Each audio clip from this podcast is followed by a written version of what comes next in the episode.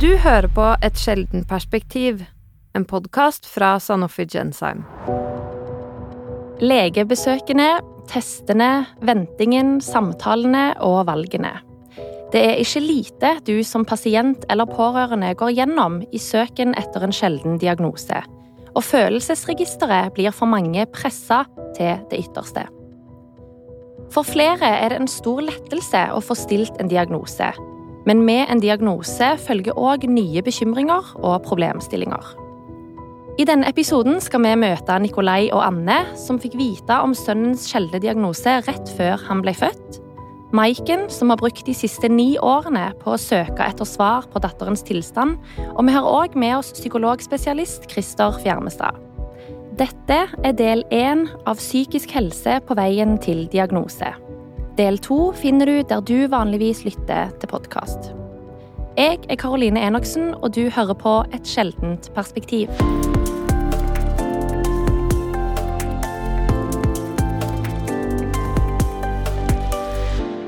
Velkommen, alle sammen, i studio. Jeg tenker at vi starter hos deg, Maiken. Din familie har eh, levd med uvissheten om din datter Idas tilstand nå i ni år, altså helt siden hun ble født. Og jeg lurer på, kan du dele litt mer av historien deres, og om hvordan det å ikke vite har vært for dere? Ida hun ble født tilsynelatende helt frisk. Hun var et veldig planlagt barn og et veldig ønska barn.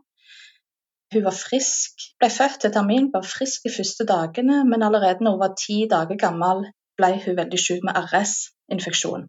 Egentlig en helt vanlig forkjølelse hos oss voksne, men babyer skal jo ikke bli forkjøla. Hun ble veldig syk av dette, og vi var to uker på sykehuset på isolat. og Det var jo tøft egentlig i, i seg selv, bare det, med barseltårer og nyfødt unge og alt det som det tar med seg. Vi trodde jo ærlig talt bare at dette her var en liten bump i veien, før vi skulle få ta Ida med oss hjem igjen til storesøster Mari, som venta hjemme. Eh, men når vi kom hjem, så ville ikke Ida bli bedre. Hun starta med en enorm oppkast til alle døgnets tider. Hun spiste ikke lenger og ble bare dårlig, var bleik og guffen. Og morsinstinktet mitt skreik vel litt etter at her er det noe som ikke stemmer. Og det ble til slutt funnet ut at magesekken hennes var helt lamma. Så tenkte vi igjen da ikke sant, at dette her er nok bare enda en liten bump i veien, men nå går det bedre. Men etter sommeren så fortsetter Ida egentlig å mistrives. Hun utvikla seg ikke sånn som hun skulle. Eh, hun begynte å få behov for hjelpemidler for å klare seg. Når hun ble ett år, så lå hun fortsatt på gulvet, husker jeg, og hun ålte ikke. Hun rullet ikke, hun lufta ikke hodet sitt, og hun satt jo ikke. Hun bare lå på gulvet og skreik, egentlig. Hun begynte å få anfall etter hvert, der hun datt vekk. Vi ikke fikk kontakt med henne, og så kom hun på plass igjen. Men det meste av hennes første to år var vel preget av mye grining. Bleike, dårlig, guffen baby. Så når Ida begynte å være nærmest i to år, så begynte hun å hoste noe helt forferdelig. Eh, jeg gikk til legen. Helt normalt å hoste litt. Men jeg kjente igjen at det her er noe som ikke stemmer. Jeg var veldig bekymra. Det var en veldig stygg hoste. Og etter mye menn så fikk vi komme inn til en lungelege, tok røntgen av lungene hennes, så det var masse slim på lungene. Og samtidig så ser de et skikkelig overbelasta hjerte som hadde vokst seg stort og var veldig overbelasta. Så viste seg at Ida hadde en medfødt hjertefeil med to hull i hjertet. Og Da bar det rett til Rikshospitalet for å operere dette. Og da, Den følelsen vi satt igjen med da, var litt sånn Åh, vi visste jo det var noe galt, ikke sant? Hvorfor hørte dere ikke på oss? Vi visste det var noe. Det, det, det kom til balla bare på seg. Det var mange småting som kom. ikke sant? Hun hadde problemer med språket, hun hadde B12-mangel. Plutselig dukka det opp en brokk midt oppi alt. Og helt til sist kom disse her ekstreme smerteanfallene som hun er plaga med den dag i dag òg. Smerteanfallene smerteanfall det kommer lyn, som lyn fra klar himmel og er veldig inngripende i hverdagen vår. For det involverer jo hyling og grining og redsel, både hos Ida, selvsagt som har vondt, men det blir redsel og bekymring hos oss foreldre, og ikke minst hos søsknene hennes. Eh, I 2018 da vil jeg vel si at det er et lite vendepunkt i denne utredningsfasen som hun har hatt. Da ble hun plutselig veldig mye dårligere. Alle symptomer som hun hadde fra starten av livet sitt, det med bleikhet og uvelhet og, og, og, dette her, det eskalerte plutselig. Jeg ble lagt inn på sykehus, og da kom jeg i kontakt med en veldig dyktig nevrolog på Rikshospitalet. Og hun er fortsatt under utredning for akkurat disse plagene her nå, da. Han, eh, Nevrologen på Rikshospitalet har kontakta spesialister i både inn- og utland, og det er vel egentlig ingen som vet hva som foregår. Men det er at hun blir så bleik, får ulike størrelser på pupillene, blir snøvlet i snakket, mister hukommelsen, eh, mister evnen til å orientere seg. Eh, sånne ting som er veldig, sånn skumle symptom som oppstår daglig. Og nå er vi der at dagen hennes er prega med at eh, vi er oppe på toppen og vi er nede i bånn. Oppe på toppen og nede i bånn i løpet av få timer. Det varierer fra time til time. Når hun havner ned i dalen, kan det vare i timer, dager eller uker. Og så kommer hun seg opp igjen. Så jeg og Trond, pappaen til Ida, vi føler jo at vi blir litt tullerusk i hodet sjøl, egentlig. For vi følger jo datteren vår sin berg-og-dal-bane fra å være en ganske greit fungerende jente på ni år til å dette ned her, hvor hun svikter, svikter kognitivt og ikke klarer å gjøre rede for seg meste. Jeg har sammenlignet med at når hun er nede i denne dumpen, så sammenligner jeg henne med ei demente dame. Dement gammel dame. Noe lenger i utregning har ikke vi kommet ennå, men eh, det er ikke tvil om at det er noe her og at eh, kanskje nevrologen på Rikshospitalet har sagt at hvis vi finner ut av denne, her, denne sykdommen som hun eventuelt har, så er det store sjanser for at hun gjerne er den eneste i hele verden som har denne diagnosen. Siden verken spesialister i, i England, Tyskland eller her i Norge har sett et så komplekst og spesielt symptombilde før. Så det å forholde seg til noe som er så ukjent, det er veldig belastende og veldig sårt og vondt vanskelig. Men så er det igjen denne overlevelsestaktikken vår, at uh, dette har vi fått servert i livet vårt. Dette må vi jo bare på en måte takle. Uh, stå sammen og gjøre det beste ut av det. Vi har jo òg med oss eh, Nikolai og Anne. Og dere har, i motsetning til Maiken her, visst om Tellef sin diagnose siden før han ble født. Eh, og da lurer jeg jo på hvordan opplevdes det for dere å få en sjelden diagnose å forholde seg til allerede før dere hadde møtt sønnen deres? Vi fikk vite om diagnosen til Tellef eh, ca. en måned før han skulle bli født. Da skulle jeg på en ultralyd bare for å sjekke at morkaken min hadde flytta på seg, for den lå litt langt nede. Så jeg hadde jo hatt et fint svangerskap og ingen antydning til at noe var galt, så da var vi på den ultralyden, og da så jo jeg med en gang Eh, at noe var galt i ansiktet på vedkommende som utførte den ultralyden. Hun søkte på det samme området igjen og igjen, på beina til Tellef, og sa her er det noe galt. Lårbeina hans er kortere og krumma, eh, så da fikk vi en ny time seinere på den dagen hos en eh, lege. Ny ultralyd. Han kunne ikke si så mye, men vi skulle bli videresendt til en fosterspesialist. Så da gikk det vel en uke, Nikolai, mm. Eh, til vår ny prøve på Rikshospitalet. Og der så jo fosterspesialisten med en gang at Tellef hadde mange benbrudd inni magen min, og sa vel ganske kjapt at dette tror vi er diagnosen han har, osteogenesis imperfecta, alvorlig medført benskjørhet. Eh, han tok en eh, fostervannsprøve, og så anbefalte de vel oss ikke gå på nettet. Ikke google dette. Eh, og det holdt vi oss unna, og venta på svar på fostervannsprøven. Eh, og da Nei, det er ganske brutalt å få servert den så kjapt. Alt fra et øyeblikk alt er bra, og så får du den diagnosen.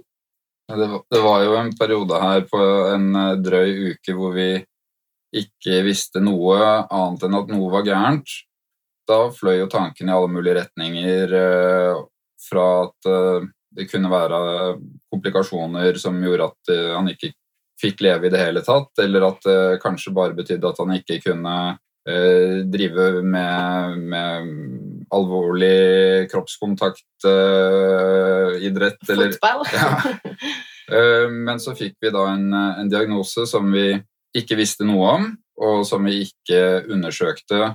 Informerte familie som gikk eh, på nett og sjekket ut, og begynte å sjekke ut eh, hva finnes av behandlingstilbud. eh, og Da var de inne på eksperimentelle behandlinger osv. også, men vi fikk altså ikke vite noe før svarene på fostervannsprøve og, og blodprøvene som ble tatt av oss, kom tilbake igjen. Og vi ble invitert til å prate med genetiker ved Universitetssykehuset i Oslo. Og da takket vi ja til det, og møtte en utrolig hyggelig, eh, flink og sympatisk eh, dame som eh, spurte om vi ville bare få liksom de korte hovedtrekkene, eller om vi ville vite alt som vi hadde i vente, og telle hadde i vente. Um, vi gikk for siste og, og satt i en drøy time med henne og, og fikk listet opp uh, utfordringer uh, han kunne møte på. Det er jo forskjellige faser i livet hvor forskjellige utfordringer uh, gjør seg gjeldende. Og det er mye av det kognitivt så skal utviklingen være bra, men vi ser for oss at det kan være følelsesmessig belastende, psykisk belastende å være utenfor store deler av liksom, hverdagslivet og omgang med venner. Også en del fysiske plager som, eh, som blir eh, gjeldende først eh, senere i livet. Jeg satt og gråt sammen med henne, og fikk ganske raskt på skyggelapper og fokuserte på første utfordring som skulle komme, og hvordan vi kunne håndtere det. Eh, Det ble rett og slett eh, for voldsomt, og så tegna over seg hele bildet. Og da var hun også så eh, flott at hun tok kontakt med spesialisten på diagnosen ved Universitetssykehuset, informerte om når fødsel var planlagt, og fikk Mm. koordinert sånn at hun skulle komme opp etter fødsel. Og hun tok også kontakt øh, med et øh, kompetansesenter på sjeldne diagnoser øh, på vegne av oss, og ba dem ta kontakt, sånn at vi kunne få mer informasjon fra dem. Mm. Så her fikk vi veldig god hjelp tidlig. Og det var, vi hadde ikke vært i stand til å få disse hjulene til å spinne på dette tidspunktet selv. Nei. Så vi kunne jo planlegge fødselen, eh, så det ble jo et planlagt keisersnitt for det mest mulig skånsomt for Tellefta, så han ikke skulle brekke mer. Eh, så det ble planlagt. Han eh, hadde 16 brudd inni magen min, så når han eh, ble tatt med keisersnitt, så sto der et stort legeteam og venta på ham.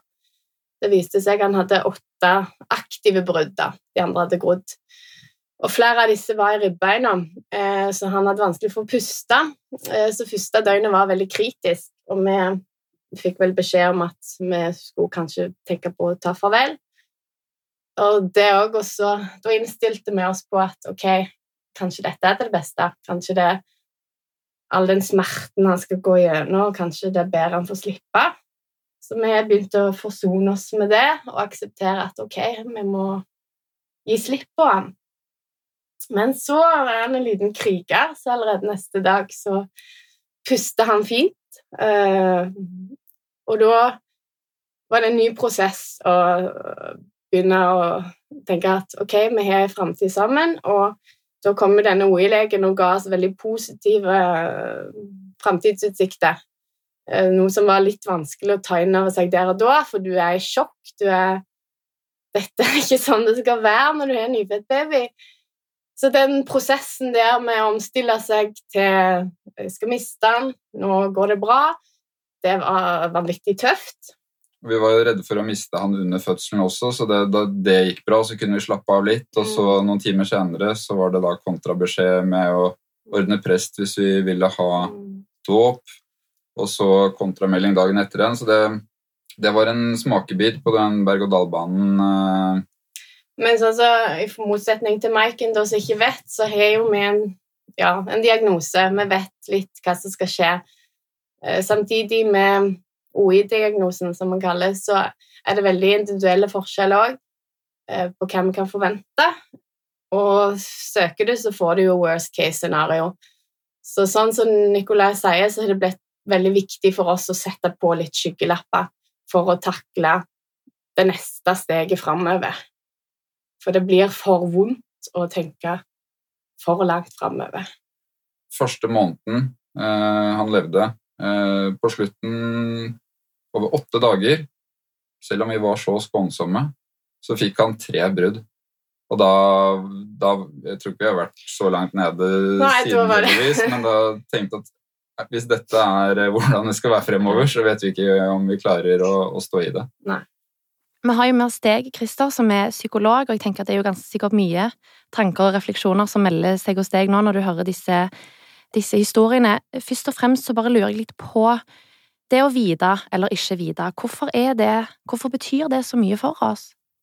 Altså, jeg tenker jo at uh, disse foreldrene som, som, forteller disse sterke historiene, sier veldig mye om det i de historiene de forteller. Dette liksom foreldreinstinktet, eller morsinstinktet, som du, Maiken, nevner, som, som, jo på en måte Altså, medfødt, faktisk, det aktiveres når, når, du får barn, men hele dette systemet som aktiveres av Har denne babyen det ok? Eh, sover han? Eh, er han sulten? Er han varm? Er han kald? Eh, skal han legge seg? Skal han stå opp? Skal han bæres? Skal han være i fred? Skal han stimuleres? Dette er jo liksom dette som aktiveres så, så vanvittig for alle eh, i foreldrerollen.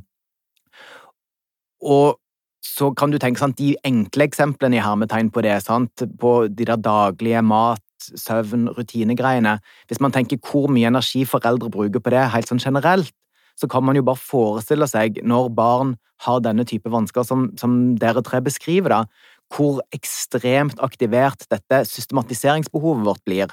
Hva skal jeg gjøre nå for at ungen min skal ha det bra? Uh, og det er vanvittig uforutsigbare, som dere beskriver alle. Så, så, målet med å vite er jo i essens hva kan jeg gjøre for at barnet mitt skal ha det bra, og kjernen er jo hva kan jeg gjøre for at barnet mitt skal overleve. Det er jo vårt primære foreldreinstinkt. Før var det å passe på at det ikke kommer noen ulv, det er det for så vidt fremdeles noen steder i landet, men, men, men her er det jo helt sånn ekstreme ting som man skal beskytte ungen sin mot. Det er jo det som er systematiseringsbehovet. Hvordan kan ungen min være i balanse? Hva tenker du er den største belastningen med det å, å fortsatt gå og lure eller ikke vite? Ja, det er jo et, er jo et stort spørsmål, og, og, og, det er det veldig mye å si om. Og jeg, vet, jeg lurer jo litt på hvordan det er for deg, Maiken, å høre når Anne og Nikolai forteller og, og sant, de, har diagnose, de har hatt et diagnosenavn fra før barnet ble født. Så sier jo Anne og Nikolai sjøl for så vidt at ok, de har fått et diagnosenavn, men det er allikevel veldig uforutsigbart, fordi barn med denne diagnosen er forskjellige. Men det som jeg tror er en veldig stor forskjell, det er det at når man har fått en diagnose det, det en diagnose er i essens, er jo en systematisering og et system på symptomer, og særlig for disse sjeldne genetiske, eller i hvert fall sjeldne syndromene som vi snakker om. Det er et slags system å tolke symptomene ut ifra. Og det gjør jo den der jakten på hvordan kan jeg få at barnet mitt har det best mulig. Det, det er et slags system å følge. Det at man har et system å følge, gjør jo at noe av kaoset og noe av det ekstremt uforutsigbare blir litt mer systematisert. Og man kan få litt sosial støtte på det, for kanskje har man noen andre foreldre som har opplevd det samme. Og på godt og vondt kan man google eller ikke google, men iallfall så hjelper den litt til å vite hva skal en slå alarm for, og hva kan en roe seg litt mer ned på.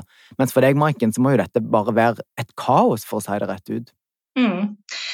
Og det er, ikke, det er jo ikke sikkert at vi noen gang får vite hva diagnose Ida har. Men for å ta det fra begynnelsen av, så får vi en unge som er tilsynelatende frisk. Og så er vi forberedt på det. ikke sant? Vi skal bygge livet, og vi har håp og forventninger til framtida. Det der typiske A4-livet som eh, alle med friske og funksjonsfriske unger lever i. da.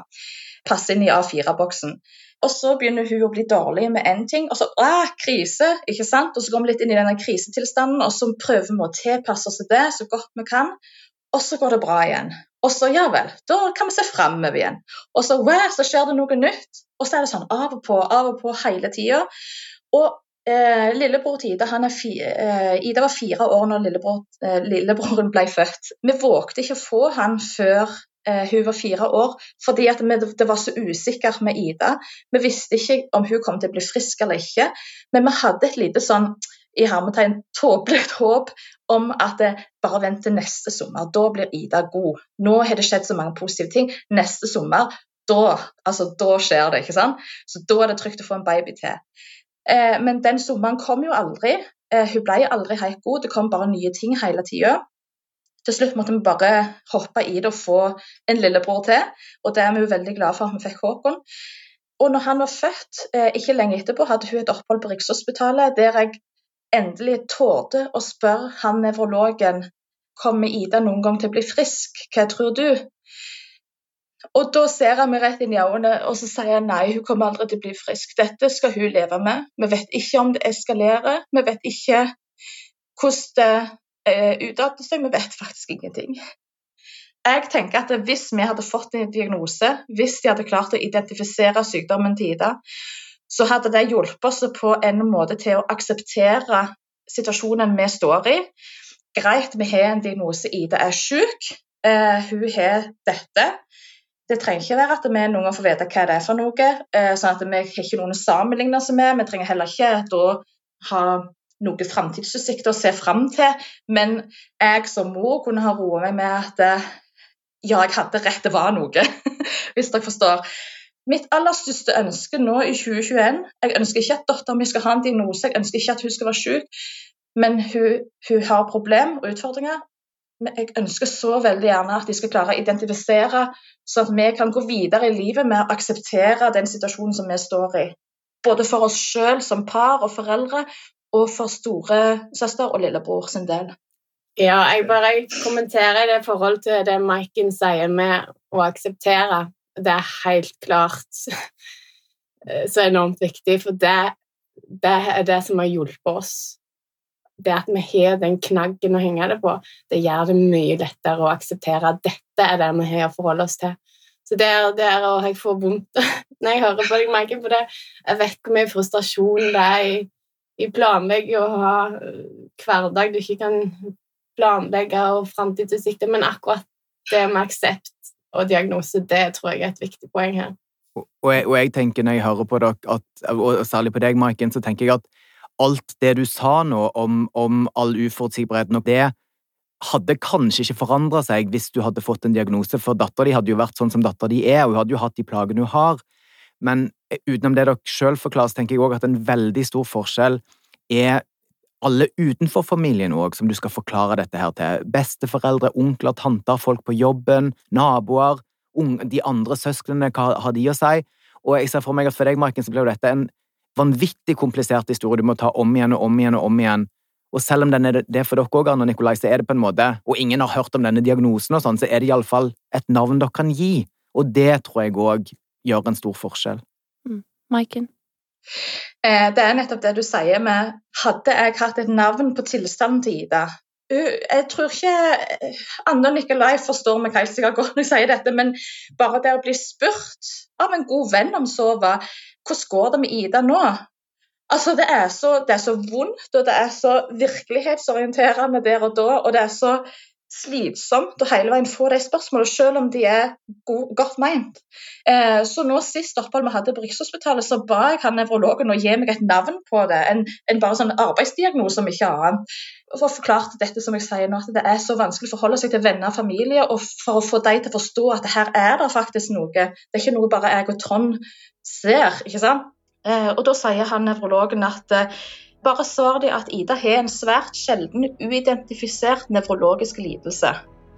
Og det var godt. Den, den uh, arbeidsdiagnosen der den bruker vi for det det er verdt. Og så kan folk gå inn og google det de vil om akkurat det. Tusen takk for at dere var med oss her i dag, Christer, Maiken, Nikolai og Anne.